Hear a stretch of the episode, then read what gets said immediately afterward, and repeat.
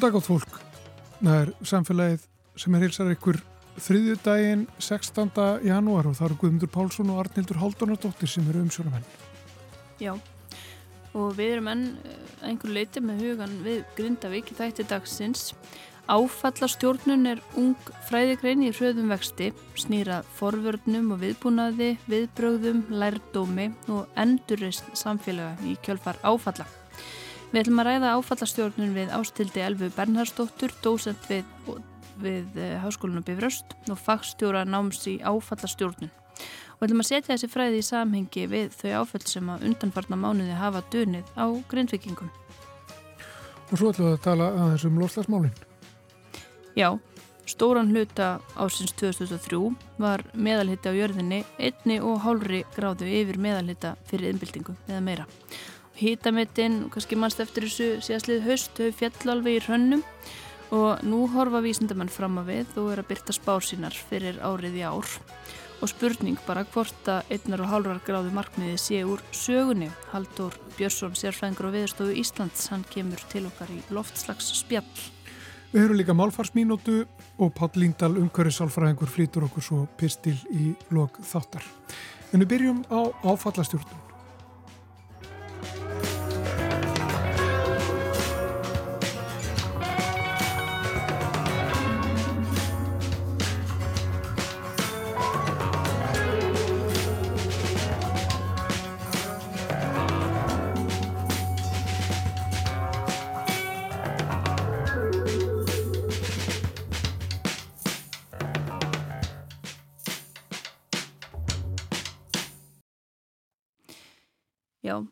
Er hún sest hjá okkur ástildur Elva Bernhardsdóttir, dósent við Háskólan á Bifröst, dóttur stjórnmálafræði og fagstjóri náms í áfallastjórnun. Velkomin í samfélagið. Takk að fyrir. Við ætlum að ræða í áfallastjórnun í hverju hún fælst. Uh, það segir hérna í kynningu á náminu á, á við Háskólanins í Bifröst að með markvistri áfallastjórnun sé þetta auka öryggi almennings og draga úr þeim skada sem að áföllum fylgja. Þetta er svona fræði sem að já, endilega hafa verið svona aðvaksa mikið. Er við komið langt í, í áfallastjórnun bara sem, sem samfélag? Er, er þetta, er við góðið í því? Já, ég myndi segja að við séum að læra og það náttúrulega áskorun að læra á það á sem mest kerfsbundin hátt og við getum og eins og ég hef sagt áður að þá er kannski ekkit langt síðan að við eh, fórum svona að, að skipulegja okkur, til dæmis að setjum neyðar áallanir. Að það var ekki fyrir en áttunda áratug síðustu aldar og, eh, og, eh, og síðan má segja það að þessar náttúrahamfarir, við erum náttúrulega að fá mjög tíða náttúrahamfarir sem kalla líka þá á mikið lærdóm og það líka tækferð til þess að fínstila lærdóminn af því að það er alltaf þessi áskorun þegar við erum að læra. Það er óttu að tala um sko við lærum og uh, svo gleymum við. Og stundum er sagt svona þetta allir kaltæni sko þetta er spurningin um hvort að við lærum meira heldur en við gleymum en já. við viljum að grípa lærdómin og við erum alltaf að verða betri því. Já, ég myndi segja það. Og drivkrafturinn þá þegar við höfum lært og, og einmitt ákveðið að gera viðbrás áallanir, neyðar áallanir, rýmingar áallanir. Er það þá yfirleitt í kjölfar annara áfalla? Þess að í kjölfar uh, gossins í eigum eða, eða snjóflóðuna? Ég hefndi segja um, að, að eftir sem sagt fyrir þessu, þessari halvverald þegar eftir Vestmanæja gósið, þá múnum segja það að það hafi gefið okkur svona býr í seglin með það að við, við öðlumst trúaði að við gætum einfallega gert einhvað. Í svona gagvart náttúraflunum. Það voru kannski svona, við erum eitthvað svo bjargalauðs gagvart náttúrinni en það er svo margt sem við getum gert og við síndum það strax þá og þá þegar í pípunum var, eh, vorum við byrjað að horfa á það til dæmis eins og Rauðikrossing, hvernig hann geti komið af aðstofa fólk og eh, og þá síndum við líka fram á það hvað sjálfbúðaliðar, björgunarsveitir, hvers þeir væri megnug og svo má segja að það farið þarna af, að stað uh, lærdómur og þjálfun. Og við höfum og erum orðin okkur góð, myndi ég segja það, í þessum fyrstu viðbröðum. Við, um, við getum talað um jæna, leit og björgun, það er oft talað um það svona sem fyrsta fasa. Og en svo þegar honum er lokið þá eru mörg verkefni enn til staðar og það er kannski það sem er svona aðtíklinn hefur bein stað og, og, og er svona brennur á okkur í dag og þá erum við að tala um langtíma viðbröð. Já, og við erum svolítið komin í þann fasa þegar kemur að Grindavík verðist vera. Þú hefur vendala fylst vel með framvindum mála þar, viðbröðum stjórnvalda uh, og kannski rýndadæmið þá með glerugum fræðimannsins mm -hmm. í, út frá áfalla stjórnuninni, það eru samskiptin, það er fóristan uh, og hvernig finnst þér bara í rauninni hafa gengið? Er, ef við byrjum bara á fyrstu, fyrstu viðbröðunum Sko fyrstu viðbröðum fyrst mér náttúrulega við getum ekki annað verið þakklátt fyrir þau það að hérna hvernig fólki var forðað af svæðinu og haldið utan um það sem var mikilvægt. En nú erum við komin náttúrulega í þar aðstæðum leið og við höfum mist mannslíf þá breytast svo tilfinningarnar. Og nú erum við á þeim stað að við höfum mist mann. Og já, og þá, þá, þá, já, það breytir öllu.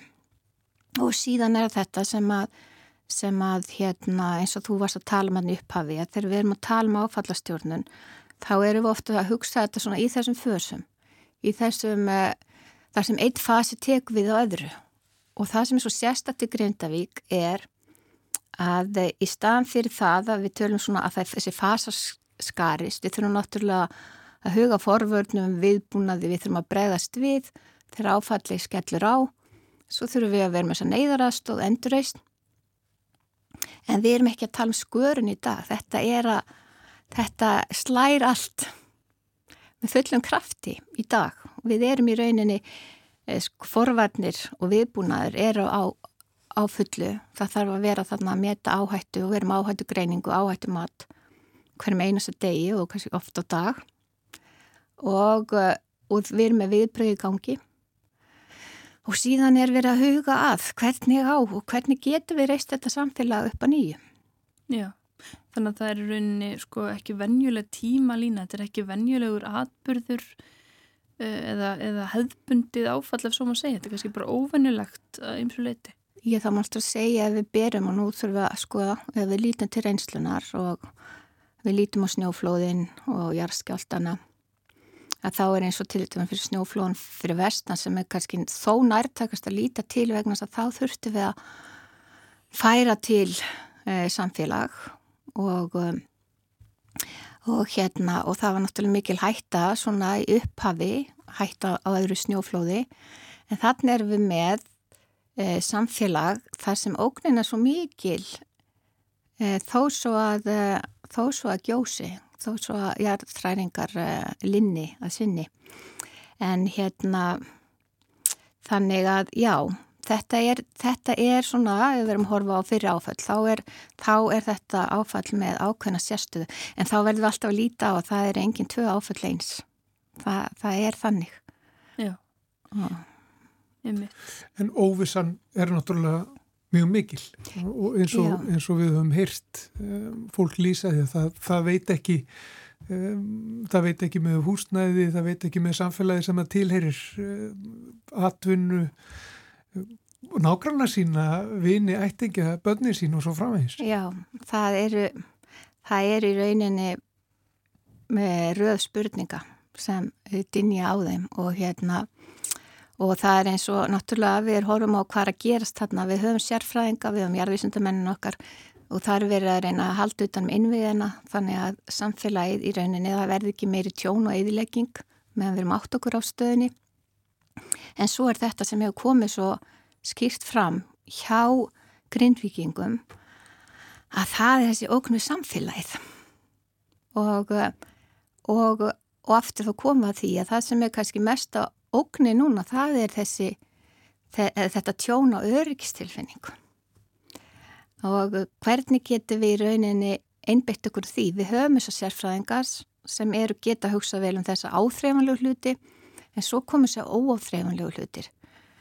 Og um, og það er náttúrulega núna þá eru alls konar skoðnir á lofti, fólk er að skiptast á svona komi lausnir og þetta er, þetta er líka mjög viðkvæmt og við verðum líka að hafa það í huga þó að við sem er sérfræði þekkingu og sérfræðinga á öllum síðum að þá, þá getum við aldrei fullkomlega að setja okkur í spór fólks. Og þá aftur, þá er samfélagið svo mikilvægt vegna þess að geta deilt, deilt hérna reynsluna því sem mústu upplifa með einhverjum sem er að upplifa sama.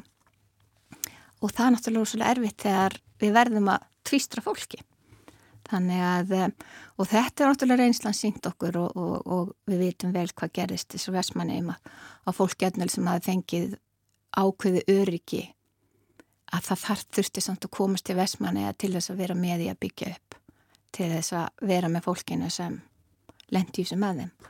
Þannig að, að svona uh, það sem maður er að hlusta á núna og nú er maður auðvitað kannski komin út í, meir út í þá sálfræði hlutan en það er náttúrulega félagsálfræðin er mikilvæg þegar kemur áhaldstjórnun að, að þá held ég veitum að varast svona þegar við erum að tala um aldrei að það verði aldrei byggt í Grindavík og það verði aldrei gert þetta og aldrei gert hitt. Við vitum fyrir víst að það þarf að tryggja sem sagt hérna húsnaði þá þarf að tryggja þessu öryggistilfinningu og þá fyrst getur fólk líka að fara að taka virkilega ákvarðanir um framtíðina og við erum ekki stakkbúin til þess en við erum auðvitað að vitum að, að því fólk er hrættum að, að hérna, byggja upp einhverja svona falsvonir og ég held við ættum ekki verið þar. Og við vitum alveg við þurfum að koma fólki í örugt skjól og svo býða ákvarðanir. Þetta er svona kannski sem ég líkur að hjarta. Að, að, hérna sem við að hlusta á þessar umræður sem er í gangi í dag.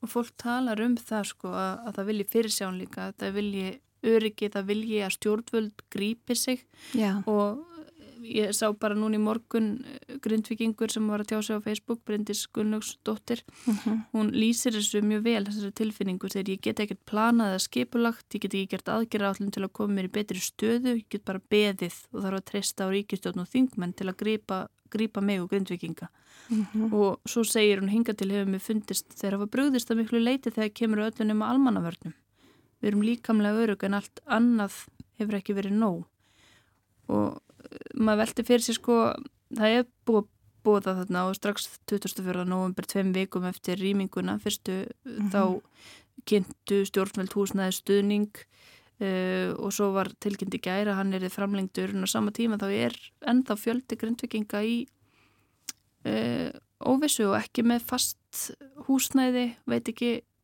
hvernig næstu vikur og mánuði verða mm -hmm.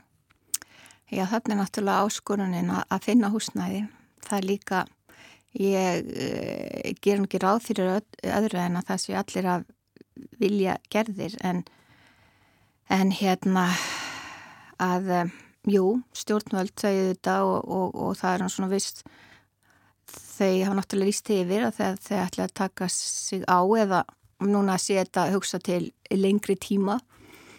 E, og svo er það bara spurning hvað við getum líka sem þjóð e, hvort að við getum rýmt meira til með okkar húsnæði. Og, og það hefur líka komið upp í umræðinni sko að það ætti í rauninni að ganga á einhverja íbúðir og Airbnb íbúður og svo framvegs sem ég feist náttúrulega alltaf harkalegt en það er hægt að bara hugsa þess en svo að, að þeir sem geta hugsa sér að hérna að leia og rýma til fyrir. Þannig að ég, þannig að ég held þetta sé bara í rauninni áttak fyrir okkur öll. Eh, að því að við vitum það svo vel ef við erum að líta til eh, síðustu ára að, að þessi húsnæðis vandamál, okkur vandar húsnæði fyrir fólk og það eru margir í kreppu út af því. Þeir ná ekki að, að koma sér takk yfir höfuðið. Þannig að hérna að eh, við, þetta væri ekki máli ef, að, ef við væri með eh, meira frambóð mm -hmm. en hérna, já. En það er alveg alveg auðsjáanlegt að, hérna, þetta er nummer 1, 2 og 3 það er að koma fólk í skjól. Einmitt. Og við vitum náttúrulega að svona áföllu geta haft langvarandi afleðingar og seti lengi í fólki mm -hmm. hvað er það núna sem að einmitt, stjórnvöld geta gert til þess að fyrirbyggja það í rauninni að skaðin til lengri tíma fyrir sálarli fólks og bara líf allt verði sem minnstur mm -hmm. Já þannig er aftur við erum að tala um þetta skjól og hvað það er mikilvægt fyrir líka barnafjölskyldur að koma börnunum í hérna að koma þeim sem sagt í einhvað lífi þeirri eðlilegt torf og þeirra vinnu eða þeirra skólagöngu og svo framvegis. Og þetta er kannski dæmum það sem að hérna, við getum líka lært af uh, frá Vesmanni að það var náttúrulega fólk sem þurfti að flýja heimil sín og, og byrja, byrja hérna lífi á öðru stað. Og það getum við líka, ég vil líka horfa á sem þjóð að það tók bara þó nokkuð langan tíma að fólk fór að opna sig um þær áskoranir sem fylgdu því. Og það var eiginlega ekki fyrir kannski svona 40 árum eftir. Og svo aftur núna og þá eru við að fá upplýsingar sem dæmi þá er einn hérna meistrann með mitt að líta á það hvaða áskorun og hvaða hvernig það var fyrir sagt, fyrir þá sem voru börn á þeim tíma að koma sér fyrir nýju samfélagi og aftur, þá verðum við aftur að tala til okkar sem þjóð, þjóðar. Að þarna er náttúrulega okkar hlutar líka stort hvernig við erum að taka mútið fólki. Já. Og svona samfélag, þegar samfélag er, er drift um marga landsluta uh -huh. uh, og núna uh, það er svona kannski farið að þykna þess í fólki fólk er sumt orðið örvendingafullt og býður eftir, eftir einhvers konar vissu og því að framtíðin fara að skýrast, að stuðningurinn komi, e, fólk gefvel skipast í fylkingar. Hvernig e, sko, getur fólki staði vörðu um samfélagið og svona samhældnina sem að margir tala um að einkenni Grindavík og Grindvíkinga við þessar aðstæður, þessar erfið aðstæður? Já, já nú höfum við náttúrulega tæki og tól sem við höfum ekki fyrir halvröld Við höfum okkar samfélagsmiðla. Þarna geta þær virka á jákvæðan hátt til þess að halda utanum en það kemur ekkert á í staðan fyrir það að hittast og mér sínist á öllu að þeir sé að vinna í því, grindvikingar, þeir eru komnið með ákveðna miðstöð þar sem þeir geta komið saman, þeir eru að hérna stofna til samkoma og svo framvegs og framvegs en, en fyrst og fremst þá verður það að vera líka algjörlega auðvitað þeirra hvernig þeir vilja koma því fyrir þessum, þessum samskiptum sínum. En ég held að það sé mjög dýrmætt svona á þessum tíma að þeir hafi með stöðning hvors annars. Og, um, og hérna og, og allavega af því sem ég hef bara þá fylst, fylst með eins og allir aðrir að þá sínist mér þeir vera að gera það vel að halda þetta einhvern annan. Og það er svo skiljalega þessar tilfinningar og þetta er í rauninni eins og líka vist sorgarferðli sem verður að gangi í gegnum og hluti af sorgarferðlinu er líka þessi reyði og hún er svo skiljanlegt og mér finnst það líka vera ef ég er að horfa okkar viðprösaðala sem er búin að standa í statni í langan tíma að þeir hafa líka skilning á því. Þetta er í rauninni hluti af því að gangi í gegnum áfall. Vegna þess að, að, að fólki það er náttúrulega þessum þessum, eh, maður sé, tímamótum og þessari, þessu, undir þessu álægi að þörfum þess er ekki mætt. Og uh, það er náttúrulega verið að vinna í því en, uh, en þessi byggð og óvisa að, að, hérna, að það er erfitt í rauninni að, að fyrirbyggja hana fullu leiti en, en hérna, já og, og, og svo aftur þetta sem kannski í þessu samhengi sem maður vil líka nýta bara til þess að hugsa þetta í stærra samhengi og fyrir, fyrir okkur sem þjóð að, að þetta sko þessi endurreysna fasi og þessi langtíma áallan að gerð hvað hún er mikilvæg fyrir sveitafjölug og við erum ekkit einstök með það að þetta er svona að áherslan var á þessum fyrsta fasa, björgunafasanum og þið sjáu það það er ekki fyrir núna sko hvað eitthvað 2005 sem svona var byrja virkilega fyrst að, að sapna göggunum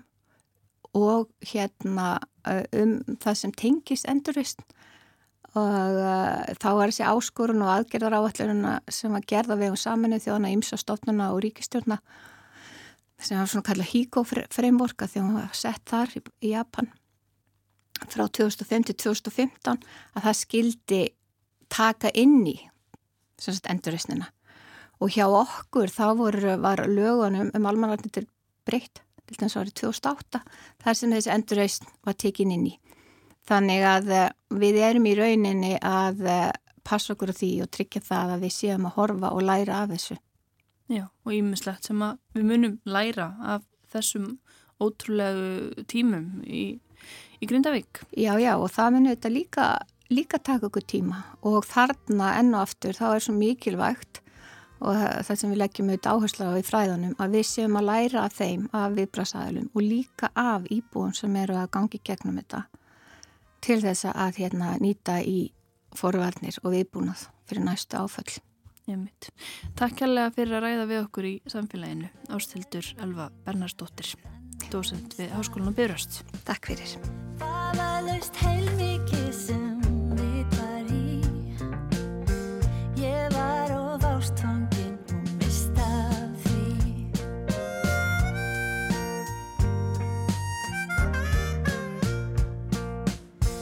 Þú varst að segja mér frá sjálfrið þér Satt best að segja fór það fram hjá mér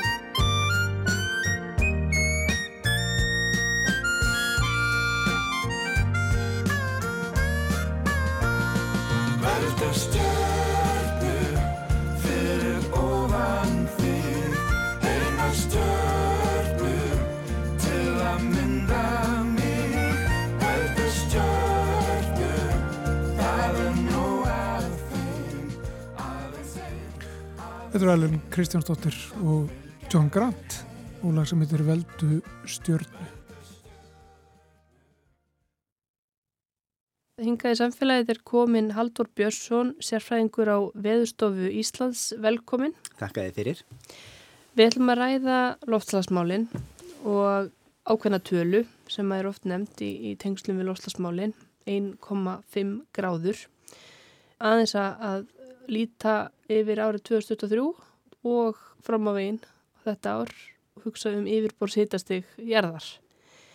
Getur aðeins farið yfir bara því nú hefur verið að byrtast ymsar samantæktir og fræðigreinar það sem er fjallað um þetta markmið okkar að halda meðallínun frá því fyrir innbyltingu innan við einu halva gráðu og það virðist sem að það sé svona rennur höndunum á okkur og, og árið í fyrra þá hafi hlínunin verið yfir þessum mörgum hvað um það byrja hálft árið á, á heimsvísu.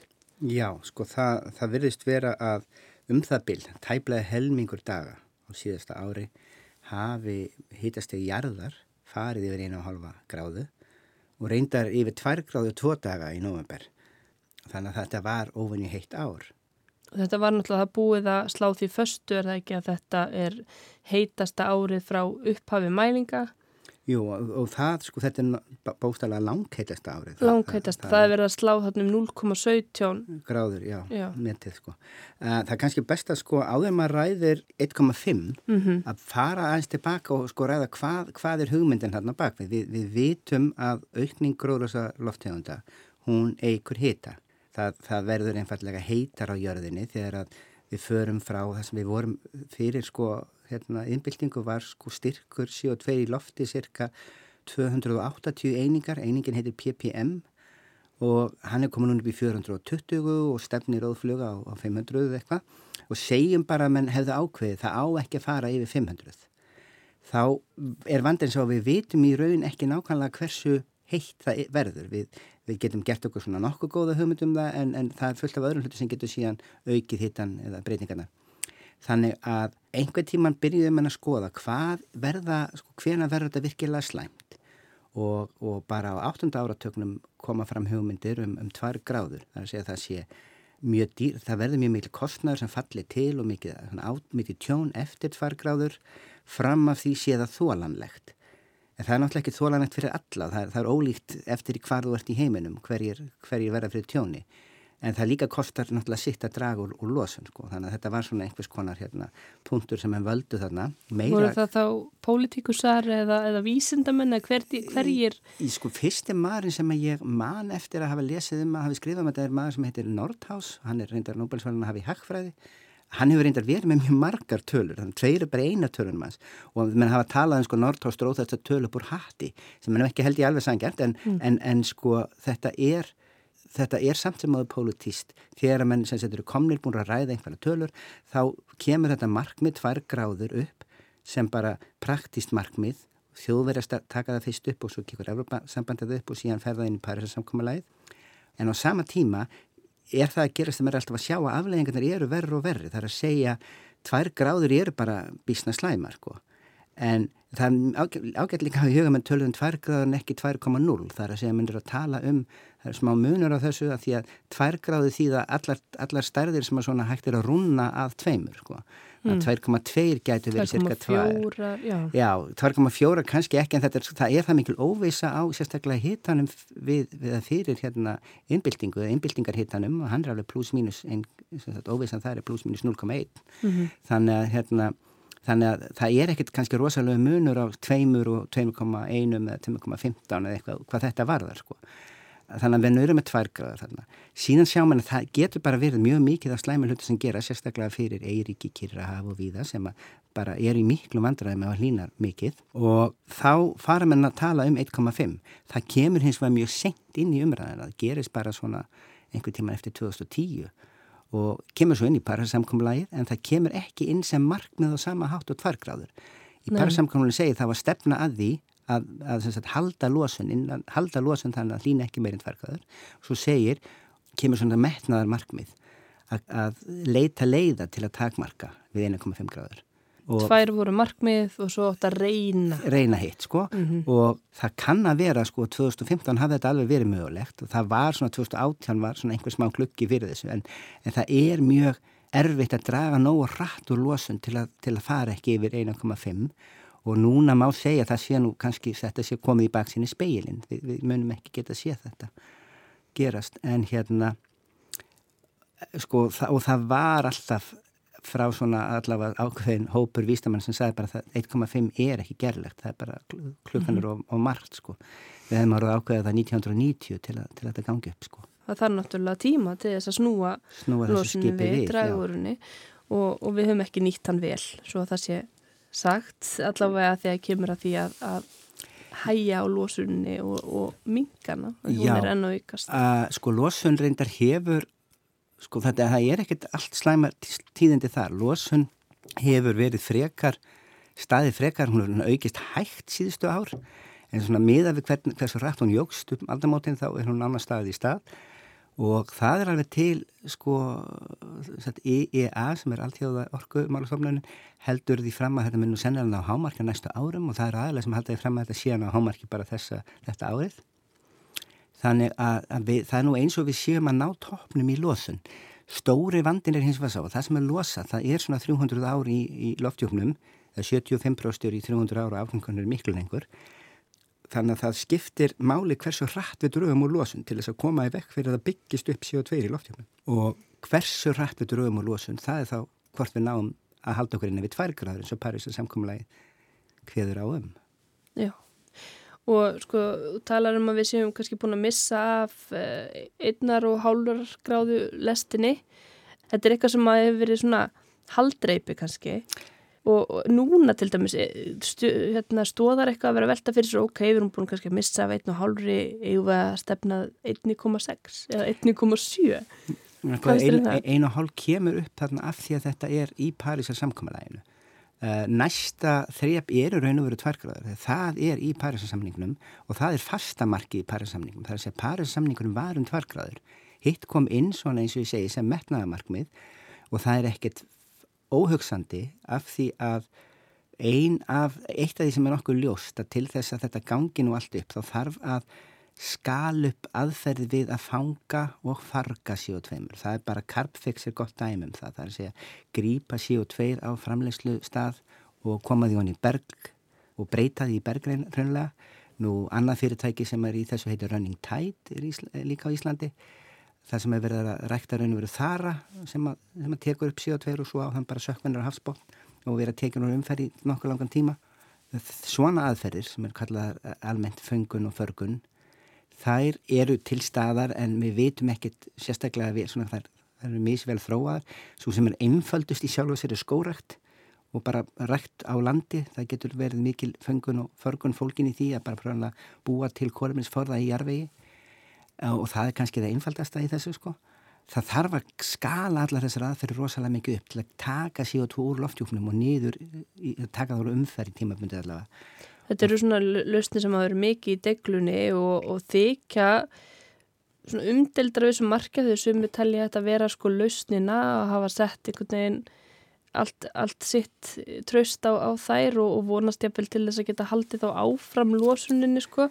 En hversu sko ef þú hugsaður um bara hversu stór hluti já. af lausninni geta þessi lausnir verið sko, í? sko, Já, þetta er nefnilega sko við þurfum, það, það er þessar lausnir eins og stendur eru ekki nóg öllu allar það sé nokkurn veginn hægt að segja já ég ætla bara að halda áfram að brenna kólum eða eitthvað slíkt.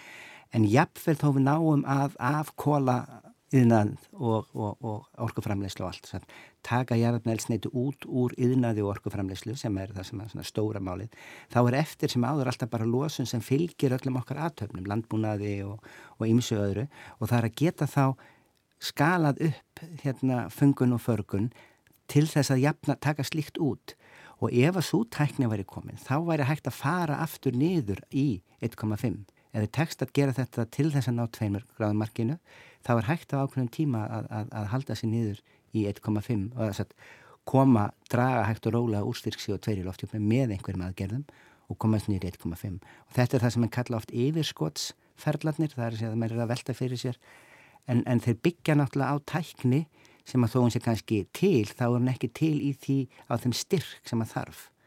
Og það er þróunaverkefni myndi ég halda næstu áratöks eða, eða áratöga Þetta einnar og hálfra gráðu markmið sko, það, það er ennþá haldið í það samt. Það er í umræðinni, það var mjög áberandi umræðinni í, tengslum við COP28 núna síðast. Hvað finnst þér um það að, að í rauninni vísindamenn kannski voraldri sannfærðir sumir, uh, þetta er metnaðar markmið eins og þú segir. Er, er sko tímabært að sleppa þessu markmiði bara til þess að umræðan einhvern veginn missi ekki mark svo verði ekki svona óraunhæf og villandi þurfum við að tala öðruvísi um þetta Mér, mér hefur alltaf þótt sko óþarflega mikil áhersla á þetta markmið að því leiti að ég hérna er ekki vissum að, hef aldrei verið, alltaf verið efinsum að minni nást sko. Uh, en hérna, og það er líka daldi óþægilega nákvæmt sko.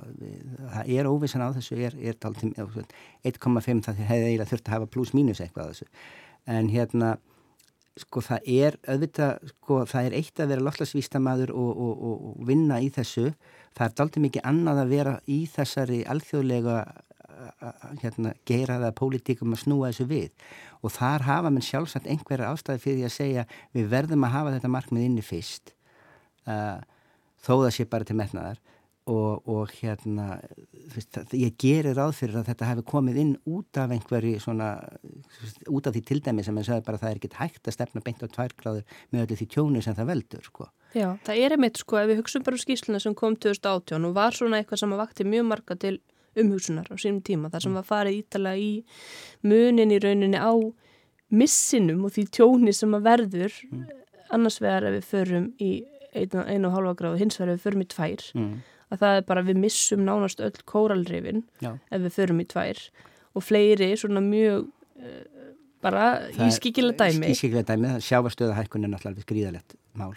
Já. og hérna, það er alveg ábáslega margar borgir bara á lálendi í heiminum sem munum verða fyrir miklum skakkaföllum. Já, miklu fleiri sem sökva við tværgráður heldur en einu halva. Já, já þannig að þetta er raunverulega sko mikill munur. Þannig að það er svolítið erfitt að fara bara úr einu og halvri og slumpa einhvern veginn í, í tvæ, eða þú veist, sökva niður í, í tvær sko. Og, sko.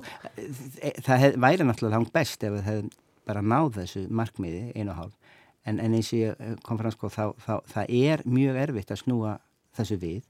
Það getur verið að við séum að ná viðsnúningi í losun og við þurfum síðan líka þá að ná upp skölun á fungun og förgun og þá eigum við alveg góðan séns á að halda þessu í hérna í jafnvægi. Það, sko, það þýðir ekki að verði auðvelt og það þýðir ekki að það verði ekki tjón. Það verður mjög mikið tjón. Það er nú þegar farið að verða tjón. Mm -hmm. og já, það verður ekkert, ekkert umflúið miður sko og þegar þú talar um yfirskoti sko og, og e, til dæmis ef við náum sagt, að skala upp þessar aðferðir við fungunum förgun, náum að minga lósunum alveg drastíst, hvenar væri við þá farin að sjá í rauninni e, þetta þessa hækkun hýtastiks og hægja á henni, henni og jafnvel staðnamast erum við þá að tala um að þú talar um að Búið þetta sé 300 ári í andurslóftinu. Það merkilega samt er sko að leið og þú dregur úr losun þá ferða að sjá sko núna er að hlýna cirka 0,117 eða 0,2 gráður á, á áratug eða eitthvað alveg leiðuð fyrir að draga úr losun þá fellur svo tala.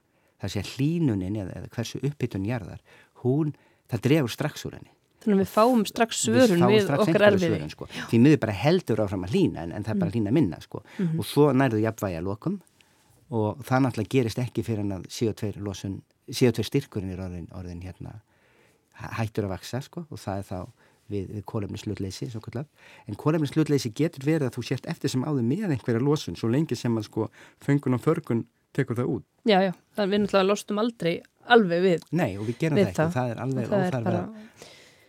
að, svona ímynda sér að það, það verði sko en, en, en það eitt að geta hreinsa bæði yðnað og orkuframleyslu er alveg gríðarlega stort skrif og mun færi okkur mjög nærði að geta vera komin með lausnina sko. Mm -hmm. Sko helmingur ársins 2023 þá fórum við yfir einu og halva gráði þegar við horfum á meðalhita yfirbórshita á, á plánundunni árið 2024 hvernig eru horfurnar það er emitt sko, sko meðalhiti ársins 2023 hann er sko talaði að Kopernikus gagnarþjónustan talar um að þetta sé sko 1,48 yfir því sem var fyrir innbyltingu. Það eru pínlítið ólíkar tölur í gangi aðala því að mann eru með ólíkt viðvöðuna tímabil.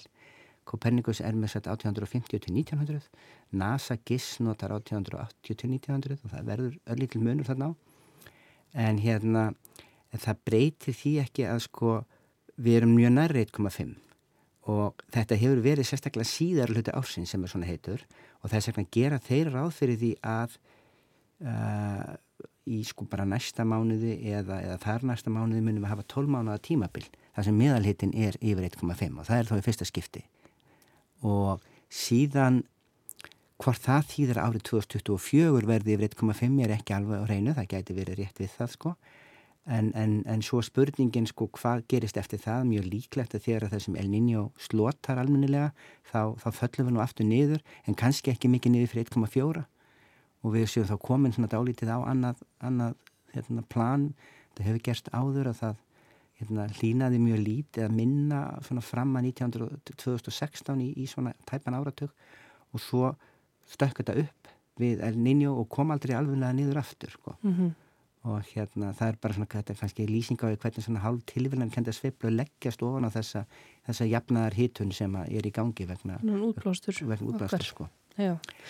og sko hvaðum bara aðrar tölur sem við erum sem við heyrum oft í loslasumræðinu það er kólefnis hlutleysi á heimsvísu fyrir 2050 Uh, það talaði um, um að við eigum inni einhvern kvóta, losunar kvóta sko sumir vilja meina og það hefur núna verið umræðinni sá ég uh, innleg frá, frá uh, James Hanson Já, frá GIS sem var hjá NASA, er það ekki? Jú, hann var yfir með stofnarnir sem kallar NASA GIS og hérna Já. er í New York og hann var, sérst, gaf út á samt nokkrum öðrum já, hvað kallar þetta rannsókn eða einhvers konar skýslu Já, hann líka, hann byrtir, gerir mjög mikið að að byrta svona yfirlýsingar um hvað hann sé að fara að gera, sko. Já, já, ég myndi hann ætlaði þarna að fara að rannsaka eitthvað með einhverjum finskum, ungum uh, vísindamönnum, en mér fannst sko títillin á þessari uh, rannsókn eða, eða skýslu hansi áhugaverður, óhefbundin mannstan.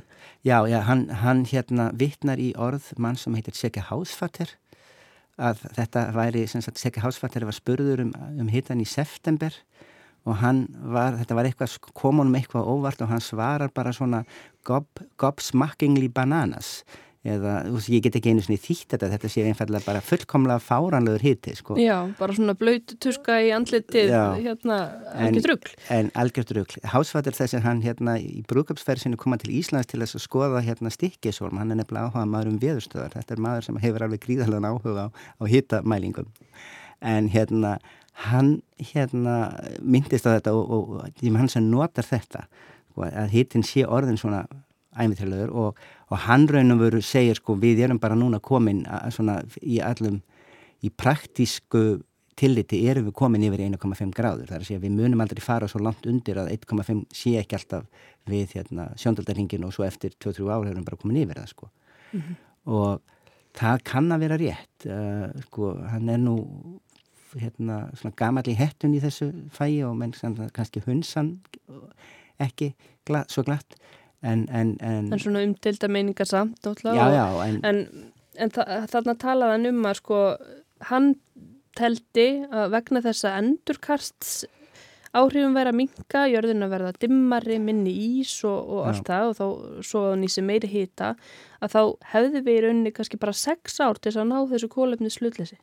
Já, sko árið í ár er ofan í heitt en það er náttúrulega aðalástaðin er þessi bara hlínun jarðar sem er búin að vera í gangi jafna.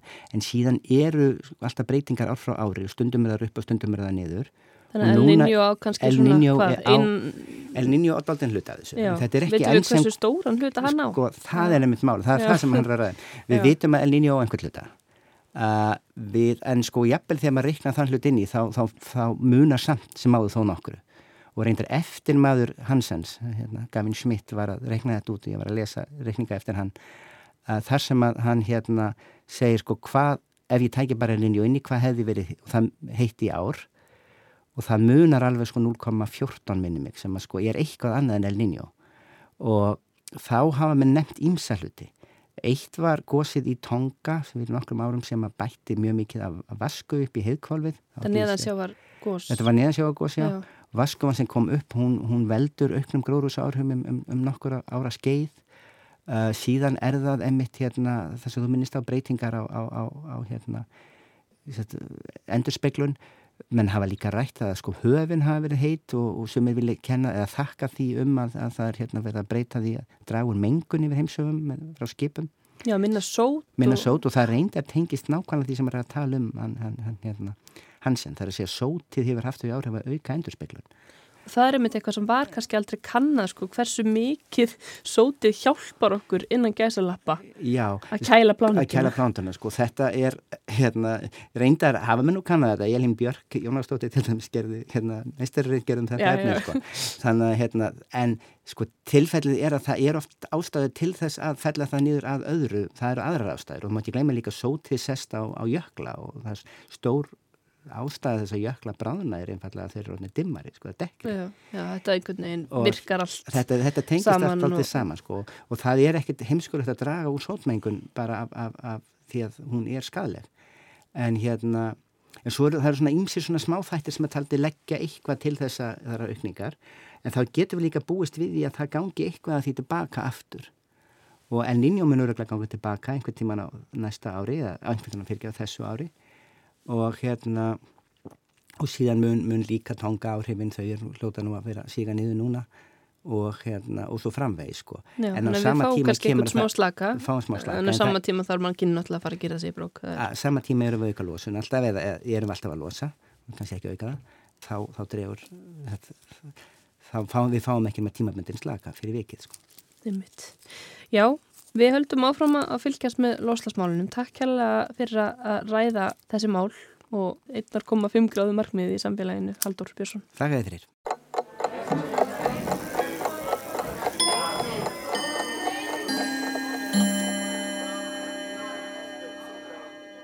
Hvað er eiginlega neystlurými? Er það eldhúsið á hverju heimili, veitingastæður, sjómarsherbergi eða bíósalur? Það væri hægt að færa rauk fyrir því að hver einasta vistar vera sé neyslurími og jafnvel að þau fyrirfinnist undir beru lofti. En er oft talað um margvíslega neyslu á mat, fjölmiðlum eða menningu svo dæmi sér tekið. En svo er ekki. Neyslurími hefur mjög afmarkaða merkingu.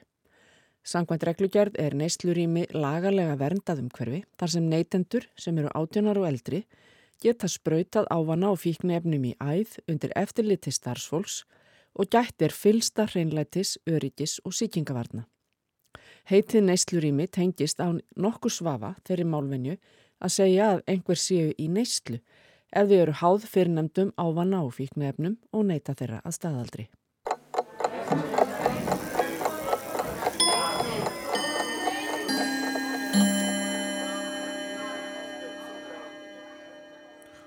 Það var Hanna Sýriður Þráinsdóttir sem flutt okkur málfarsmínútu En næst komið að Páli Líndal umhverfis sálfræðingi og hans pisli. Föstu dagur 12. januar 2024.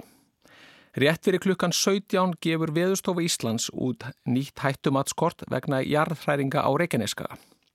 Niðurstaðan er að hættumatið breytist ekki milli vikna, en tekið er fram að hætta í tengslu við sprungur er bundin við þekkt og afmörku svæði innan bæjamarka Grindavíkur. Almannavarnadeild Ríkislauruglustjóra metur aðstöðu þannig að dvöli Grindavík þykji óásættanleg út frá öryggi almennings. Gefin er út fyrirmæli um brottflutning íbúa í Grindavík og að öll dvöl og starfsemi þar veði bönnu í þrjár vikur frá og með klukka 19 þann 15. janúar. Sunnudagur 14. janúar 2024. Elgós hefst á Reykjaneskaga rétt fyrir klukkan 8. morgni. Elgósið er það 15 frá árinu 2021 og er staðsett suð-suðaustan við Hagafell. Um er að ræða 900 til 1000 metra langa sprungu sem opnast hefur begja vegna varnagarða sem byrja var að reysa norðan Grindavíkur.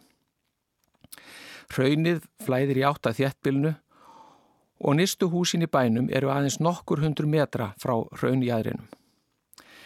Varnargarðar bjarga miklu og beina reynsli til vesturs Raun flæðir yfir lagnir og veitukerfi og bráttir ekkert rafmagn, heitt vatn eða kallt vatn í þéttbílinu. Um klukkan 12 á hádegi opnast 100 metra laung gósprunga rétt um 200 metra frá nýrstu byggði Grindavík. Raun rennur úr henni í áttað íbúarhúsum við Evrahóp. Þrjú nýleg íbúarhús verða rauninu að bráð. Náttúran hefur nú í annað skiptið á tæpum mánuði sínt okkur mátt sinn og megin og að meðan getur við ekkert gert nefn að fylst með og vonaða besta. Vanmátturinn er algjör, óvissan er algjör. Náttúran er fullkomin ofjarlokkar. En við höfum tilneingu til að gleima því og við erum oft ekkit sérstaklega upptekinn af þessu mikla aflsmun. Við vitum af honum en við horfumst ekki í augu við hann. Ástarruð Hjartadóttir, jarðeðlisfræðingur sem rannsakaði hefur sprungur á Reykjaneskaga, segir í viðtali við Rúf 15. november síðastliðin að víða á Reykjanesi séu sprungur og sprungan gegnum Grindavík hafi verið einn þeirra sem var þekkt. Östurluti höfuborgarsvæðinsins er nánast á sprungusvæði.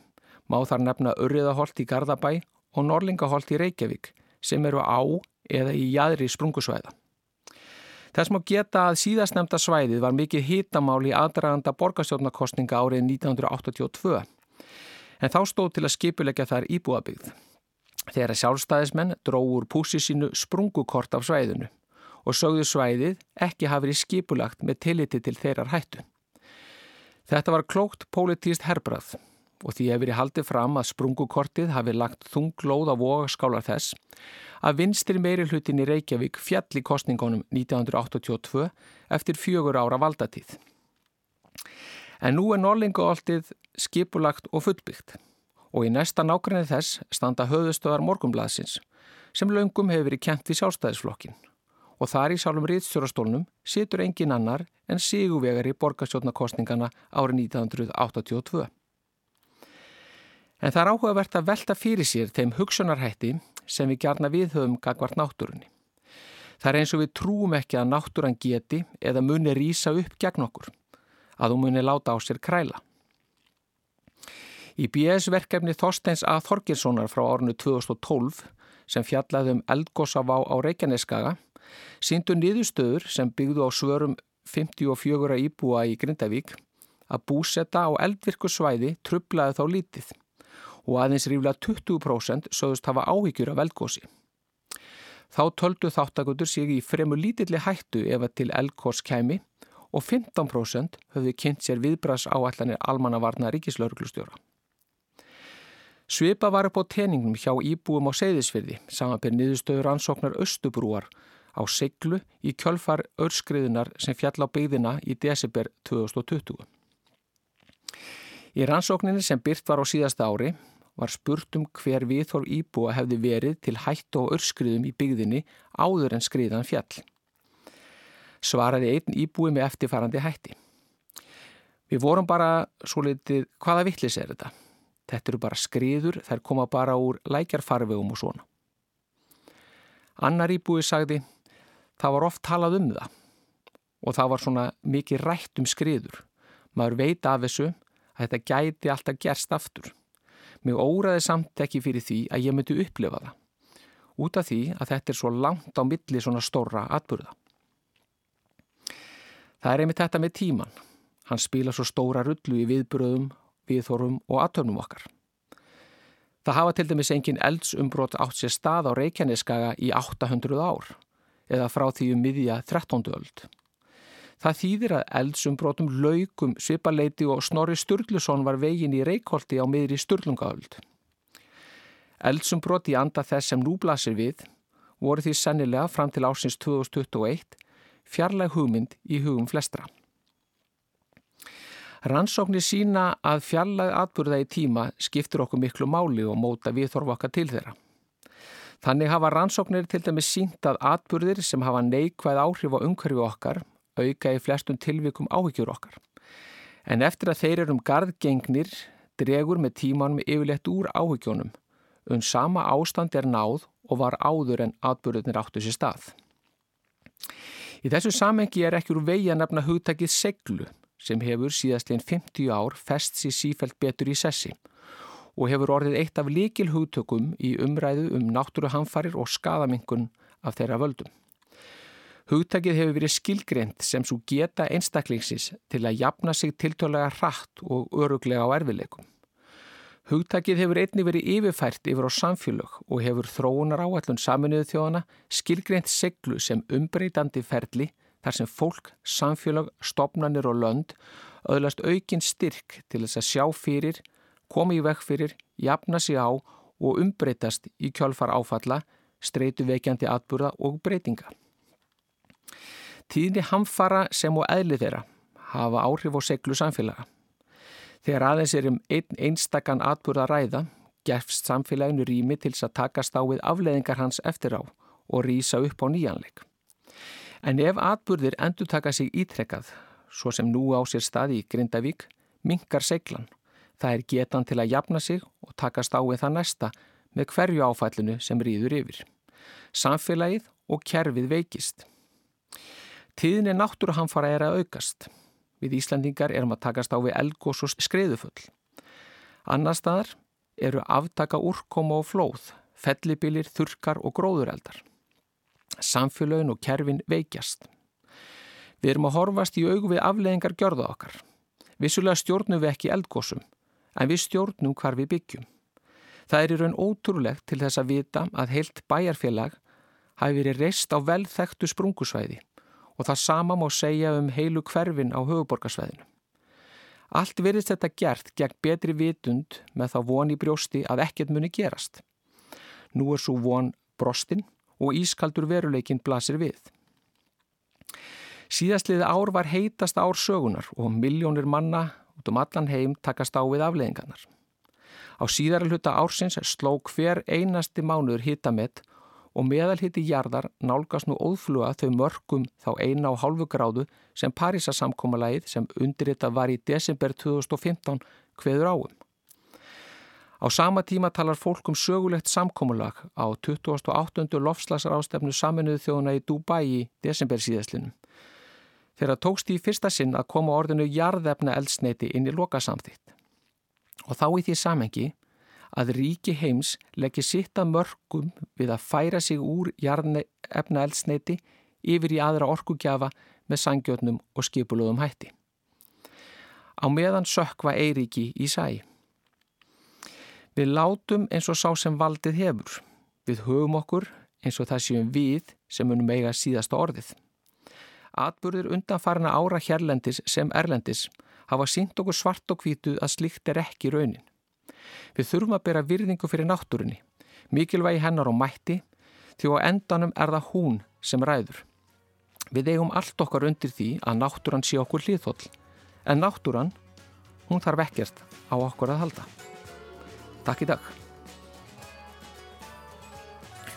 Já, það var Pál Líndal, umhverfisálfræðingur sem átti síðasta orðið þér í samfélaginu, þannig að ágæta þriði dag. Já, má segja hann hafi bara dreyið ágætlaða saman efni samfélagsins í dag. Um mitt. Þessum pisli. En lengra komumst við ekki í dag. Við verum hér á morgun á sama tíma. Guðmundur Pálsson og Arnildur Halduradóttir, þakka fyrir sig. Verið sæl.